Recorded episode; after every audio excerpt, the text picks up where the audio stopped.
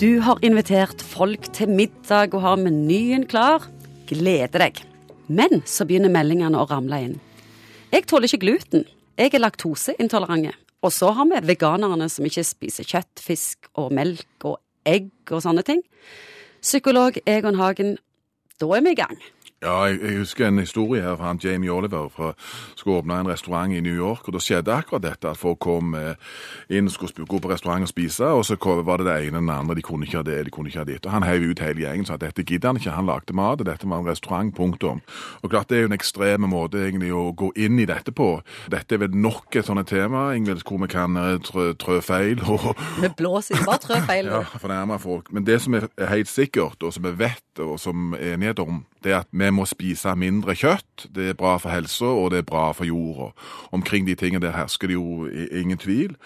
Og det er òg tilfeller at det er noe som heter allergier og matintoleranse. Det vet vi. Men så er det veldig mange som kanskje da har blitt overfølsomme på dette, kan du si. Og det, det er kanskje den gjengen egentlig vi, vi, skal herje litt forsiktig med. Den gjengen som egentlig ikke har en somatisk tilstand, men som har fått De syns det sjøl? Ja, de har fått en følsomhet på dette som kanskje ja, overopptatthet av hva de egentlig putter i seg. Blir dette en bra fest? Jeg tror ikke det hadde blitt en bra fest hos meg. Jeg jakter og fisker og alt dette, så her er det mye proteiner på gang. Men hvordan løser en dette? Jeg pleier å si det sånn at uh, mange av de truslene egentlig som var tidligere, er vekke. Før daua vi tidlig, og vi kunne daue av lungebetennelse og verkefinger. Og, og så akkurat på en måte, Men vi har den enorme frykten med oss. Nå har liksom denne frykten satt seg hos mange i maten. Og noen blir jo da sinnssykt flinke å tenke ernæring. Altså, Det blir en egen folkesport å følge med hva som er i denne maten.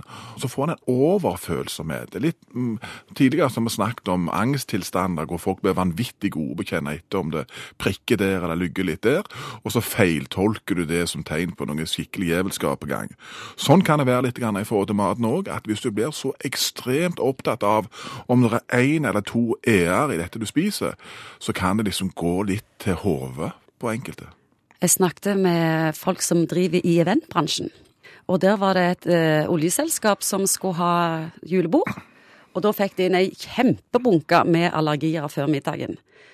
Og så hadde de et verksted. Der ja. var det ingenting jeg tror nok at du vil, Hvis man har undersøkt dette, så hadde vi kanskje funnet noen karakteristiske trekk sånn sosioøkonomisk på hvem som liksom beveger seg i retning av veganergreiene. Det kaller det matsnobberi. eller det, Nå er det sikkert greiene mange som blir fornærma, men uh, noen har kanskje en større tendens til å ta i utgangspunktet gode råd, som at vi bør spise mindre kjøtt, f.eks. Og så blir det imperativer, og så drar det for langt i andre retningen. Og så, og så til slutten så kan vi nesten ikke spise noen ting. Og det blir bare mer og mer komplisert komplisert. Istedenfor bare tenk på alt det kjekke sosiale vi har rundt et måltid.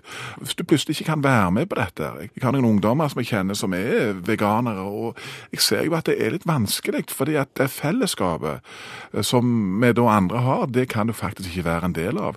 Fordi at du alltid må ha med deg en pose med ulike sånne kjøttetterligninger, eller hva det er for noe. Tilbake til denne festen, middagen.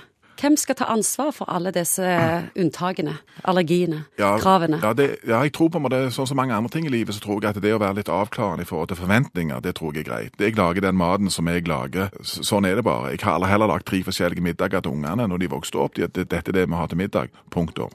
Og, så må du ta med sjøl, hvis det er du har? Ja, jeg tror på en måte det er blitt litt sånn. Mange opplever nok at de må ta med sjøl. Ellers så blir det himla komplisert å koke til et selskap.